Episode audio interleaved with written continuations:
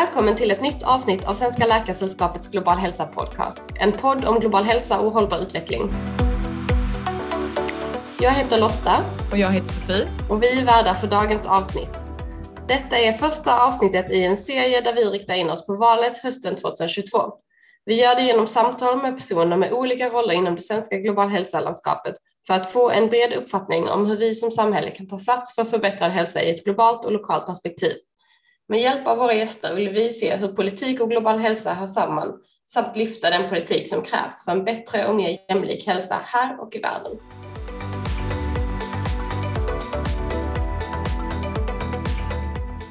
I dagens avsnitt är vi glada att välkomna Stefan Svartning Pettersson till ett samtal om de aktuella frågorna inom global hälsa.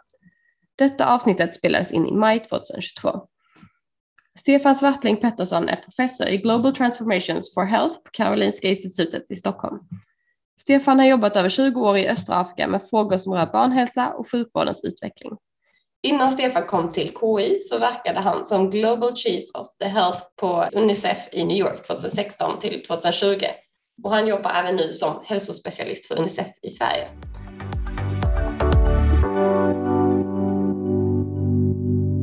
Hej och välkommen Stefan! Tack så mycket! Kan du berätta lite kort om dig själv och din väg till global hälsa? Jag gick ju läkarutbildningen en gång i tiden och sen så gjorde jag såna här medicinarspex och studentikosa saker. Men sen när jag hade tröttnat på det, då snubblade jag över en sommarskola i primärhälsovård i Turkiet. Och där, sen jag tog den, det var en sån här swemsic-utbyte, så har det liksom bara varit framåt på det här området.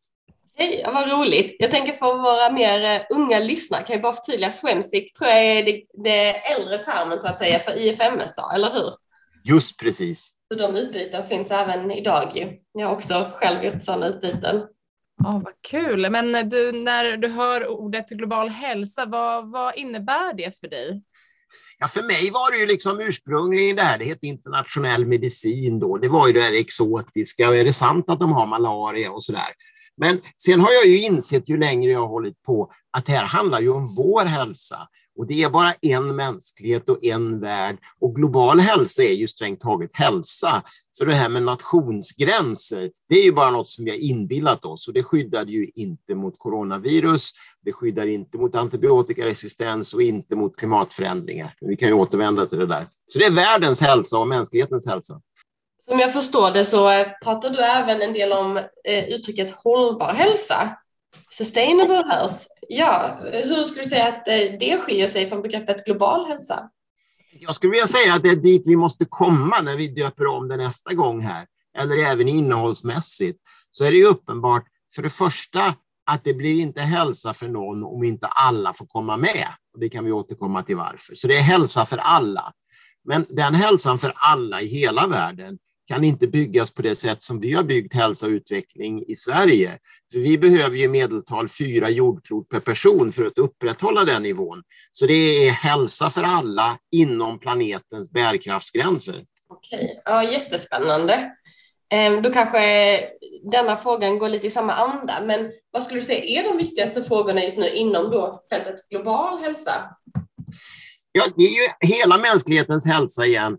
Eh, och jag skulle säga att de stora frågorna nu, det finns ju många, men vi ser ju väldigt många parallella kriser nu. Vi ser ju faktiskt en hungerkris eh, där Ukraina-kriget och brist på tillgång till mat där kopplat med torka eh, beroende på klimatförändringarna och så gör att vi har en hungerkris. Den blir värre i världen. Eh, vi ser en utbildningskris hundratals miljoner barn kom ju inte tillbaks till skolan efter covid-pandemin och även skolan som de gick i var inte speciellt bra. Eh, vi ser en, en säkerhetskris där grundförutsättningarna har förändrats väldigt mycket och vi börjar satsa pengar på militär. Eh, vi kanske borde eh, investera faktiskt i vår fram, att, att göra världen hållbar för oss alla framåt. Och den, alla de här kriserna parallellt leder ju dock fram till dålig hälsa och utveckling för människor. Och ett sätt att tänka på människor och mänskligheten är ju att tänka på barn, födda och ofödda, de som verkligen ska ta över i framtiden. Och att vi, de stora frågorna tror jag ligger i dels de här får jag kalla dem symptomkriserna och dels i den underliggande krisen och att vi inte tappar bort att det ligger klimatkris och alla de här stora frågorna i botten så att vi inte bara fastnar på symptomen. Det blev ett ganska oprecist svar där, men konceptuellt. Det är helt rätt, tänker jag, att det blir många svar på den frågan. Vi har ju ett eh, valår i år och då tänkte vi lite mer precis vilka, vilka global hälsa-frågor tror du blir aktuella i och viktiga i valet? Tyvärr inga. Och det tycker jag är väldigt tragiskt. Jag tror att, att med NATO-frågan bakom oss, eh, när det här väl sänds, förutsätter jag det, så kommer vi kanske att återvända till att en del partier vill prata om migration. Men det är ju egentligen bara ett symptom på att det står dåligt till i världen. Och vi försöker gömma oss bakom nationsgränser och stimulera våra ekonomier och hälla ut fossilsubventioner här. Och tyvärr missar vi de stora avgörande frågorna för mänsklighetens hälsa i Sverige och annorstädes. Och det är ju att vi tar oss an klimatkrisen, att vi gör det drägligt för människor att kunna bo i hela världen. För en värld, eh, och det finns ju prognoser nu som säger 700 miljoner klimatflyktingar inom något årtionde och så vidare. Det kommer ju Eh, att påverka även Sverige, även för de mest isolationistiska och nationalistiska eh, förespråkarna. Så tyvärr tror jag inte att någon global hälsofråga kommer upp som valfråga och det är väldigt synd. Och varför tror du att det är så? Eh, varför tror du att man inte pratar om steget bakom till till exempel varför får migration eller att eh, priser ökar eller liknande? Jag tror eh, Dels är ju naturligtvis plånboksfrågor sånt som appellerar till många människor, men så tror jag att vi har ett brist på politiskt ledarskap. Eh, jag tycker att vi har politiker som inte, inte vågar prata till oss som vuxna och förklara hur saker hänger ihop. Eh, och det är jag väldigt besviken på. Och jag tycker de här sista sex månaderna att se Sveriges ambitiösa klimatpolitik och biståndspolitik falla ihop i kortsiktig nationalistisk populism, det tycker jag har varit sorgligt. Jätteintressant att höra. Ehm, du pratar ju om att eh, vi måste se bortom nationsgränserna. Så vilken roll borde globala hälsa då spela i nationella val? Och vet du om i andra länders nationella val om globala hälsafrågor brukar spela en roll? Ja, det är ju i jag tycker det man tar upp i politiken och val, det måste ju naturligtvis eh, vi får ju förstå att en politikers uppgift är att bli återvald, så det får ju inte bli alltför långsiktigt konceptuellt. Men antibiotikaresistens till exempel, tycker jag är ett exempel som även drabbar oss i Sverige, där det är alldeles uppenbart och pedagogiskt lätt att förklara att det måste man lösa i hela världen för bakterier och flygplan. Och ännu tydligare kanske är med hänvisning till covid-pandemin att det var ju faktiskt bristen på vettig sjukvård som gjord i olika länder som gör att sådana här epidemier kan bli pandemier. Eh, ebolan är nog ett bättre exempel på det strängt taget. Eh, om ni kommer ihåg ebolakrisen i Västafrika, den hann ju bli jättestor 2014 tror jag det var, för att det inte fanns en vettig sjukvård som upptäckte och signalerade att här är något farligt på gång. Och det gör att ska vi stoppa epidemier från att bli pandemier, ska vi kunna stoppa antibiotikaresistens och även stoppa sådana här saker som farlig mat som gör att vi blir tjocka och får diabetes världen runt, då måste vi ta oss an dem globalt. Nå, allt det där är ju inte riktigt sånt som man kan förklara i en valrörelse där det blir liksom korta soundbites. Men att inbilla människor i Sverige att vår nationsgräns kan skydda oss mot pandemier, mot flyktingar, eh, det är ju bara dumt. Och det underskattar väljarnas intelligens tycker jag. Och därför är ju speciellt biståndsslakten eh, bekymmersam här. Den här regeringens avisering att skära ner 20 procent på biståndet. Det är ju väldigt farligt. Eh, dels så lämnar det, överger det ju liksom humanitära situationer och behoven med hungerkris och utbildningskris och sånt. Eh, men sen innebär ju det också då att vi inte hjälper de här länderna att göra de här klimatomställningarna som behövs för att man ska kunna leva kvar i det här varmare klimatet som redan är ett faktum. Och där ju svensk politik nu spär på sig, det kommer bli, bli ännu mycket varmare. Och hundratals miljoner klimatflyktingar, det kommer ju liksom att påverka oss i Sverige också. Och därför är det ju väldigt viktigt att vi åtminstone behåller biståndet och försöker förklara vad biståndet går ut på. Man kan ju komma ihåg här att FN som alla gillar att skälla på, där Norge leder eh, nu i att skära ner på kärnstöden till FN-organisationerna. Hela FN kostar 4 dollar per person i världen och det är ungefär lika mycket som två Stockholms landsting. Har hela världen råd med två Stockholms landsting för det FN eh, gör? Och det är mitt svar, ja. Allt annat vore bara jättedumt. Du leder oss in på vår nästa fråga. Eh, vi hade tänkt ställa just frågan vad Sverige som land kan göra i de frågorna som är viktiga för vår eh, globala hälsa och då nämnde du ju exempelvis biståndet, att bevara bistånd. Är det några andra punkter som du tänker som Sverige som nation skulle kunna göra? Biståndet är viktigt, att vi fortsätter att eh, eh lyfta fram FN som en viktig roll för att ta sig an globala problem. Det finns många saker som kunde vara bättre med FN, men om vi inte hade det skulle vi behöva återuppfinna det imorgon. Så det är engagemanget. Sen skulle jag vilja hävda att Sverige kunde vara duktigt på att engagera barn och unga människor i att faktiskt tycka om deras egen framtid. Där har vi i alla fall viss dialog med barn och unga, även om ju valfrågorna mer appellerar till sistagångsväljarna än förstagångsväljarna, gångsväljarna, för att citera något smart jag såg på internet. Men hur får vi med barn och ungas synpunkter om svensk politik och om global politik och framtiden? Eh, politiken måste ju också kunna bli ett forum där ungas frågor kommer fram så man slipper gå ut och limma fast sig på gatan om man är ung och, och vill något. Eh, vet du om något exempel? Ser du något annat land som är någon föregångare när det kommer till att lyfta upp ungas röster? Oj, nu sätter du mig på pottkanten här. Eh, det kan jag inte svara på.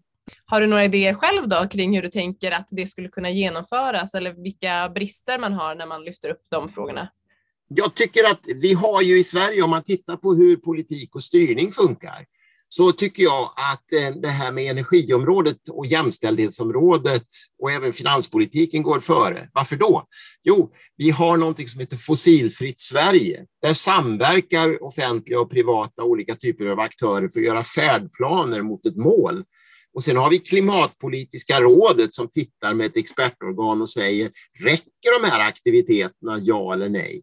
Vi har ett finanspolitiskt råd, vi har jämställdhetsbudgetering och så. Men mig veterligt har vi inga styrorgan för hälsa, vare sig det är i Sverige eller globalt. Varför gör vi inte hälsokonsekvensbeskrivningar och när får vi hälsopolitiska rådet eller som Unicef, där jag är rådgivare i Sverige nu, kom, eh, hävdar i sitt valmanifest, ett barnpolitiskt råd för barns medverkan och för konsekvensbedömningar för framtiden av åtgärder vi gör, vare sig det är stadsplanering eller matsystemet eller energisystemet.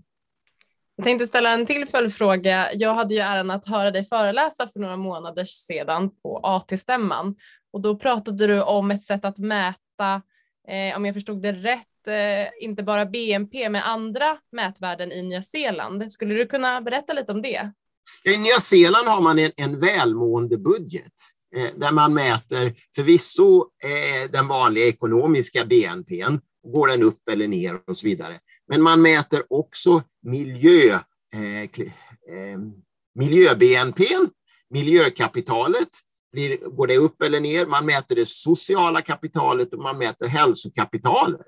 Om man då mäter ekonomi, miljö, socialt och hälsa, då har man ju fyra utfallsmått som man kan optimera på. För nackdelen med det BNP-mått med enbart ekonomiska utfall vi har är att om vi äter riktigt mycket onyttig mat, och det är ju väldigt lätt att göra, eh, läs Fejkmaten av Ann Fernholm, mitt boktips, Fejkmaten Ann Fernholm. Om man äter riktigt mycket onyttig mat, vilket är hälften av det jag äter ungefär, så får jag blir jag tjock, jag får diabetes och så måste jag söka vård hos er. Vad händer med vår BNP då? Den går upp, eller hur?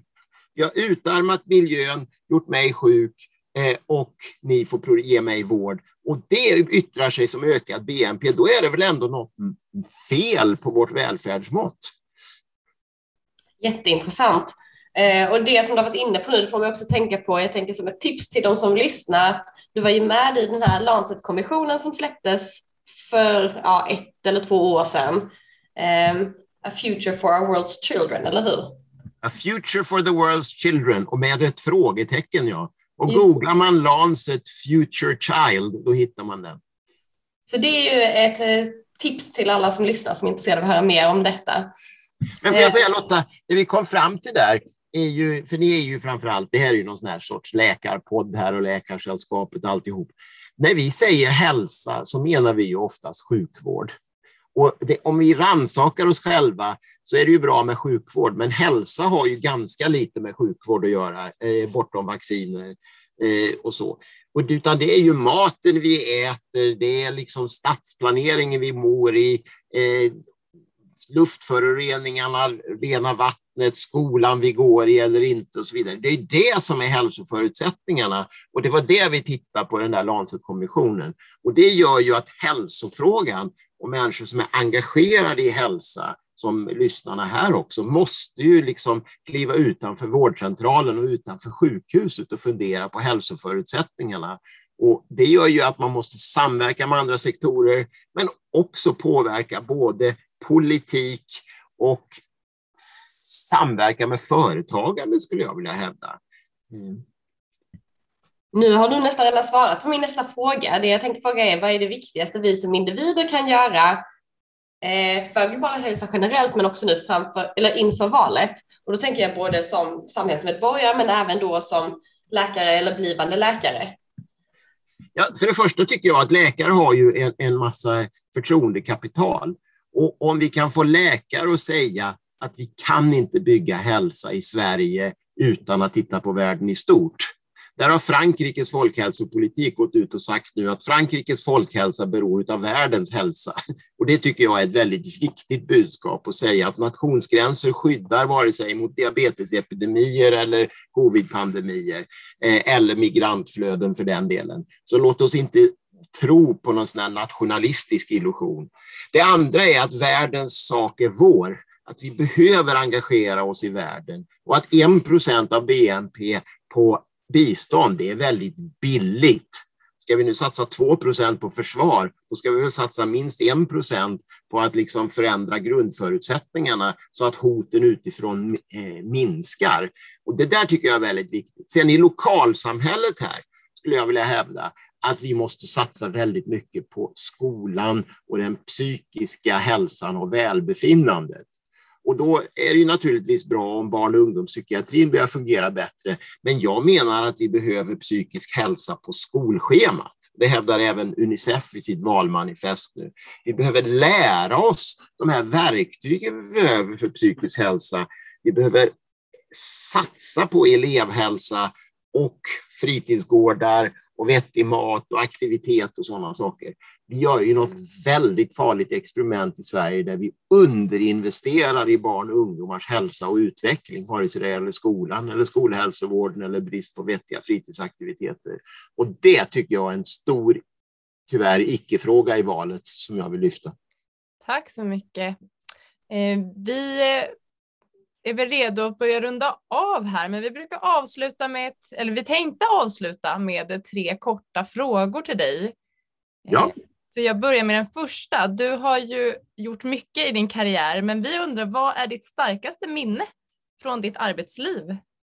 Det är att få jobba med kollegor i Uganda och eh, komma på saker som kan påverka fattiga människors vardag akut febersjukdom hos barn. Och det är väl mina mest positiva minnen. Spännande. Eh, nästa snabbfråga är, vilket var ditt drömjobb som barn? Jag trodde jag skulle bli veterinär. Eh, och det blev jag väl nästan, men sen blev jag läkare och eh, så fick jag jobba med globala frågor, så jag har väl nästan mitt drömjobb tror jag jag tänker hela det här One Health-begreppet är ett viktigt begrepp inom global hälsa. Det innefattas ju både djur, människor och planet. Så. det finns ju ändå med där. Ja. Och sen vill vi veta vad du tycker om att göra på fritiden. Jag tycker om att promenera i skogen, eh, för det tycker jag ger eh, en själslig ro och motion.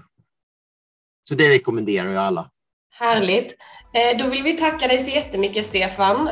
Jag tror och hoppas att lyssnarna känner sig motiverade till att engagera sig i valet och försöka lyfta global hälsa-frågorna så gott det går. Stort tack för att du varit med här idag. Tack ska ni ha och världens sak är vår, kom ihåg det. Nationsgränser är en chimär, de skyddar inte. Tack så mycket.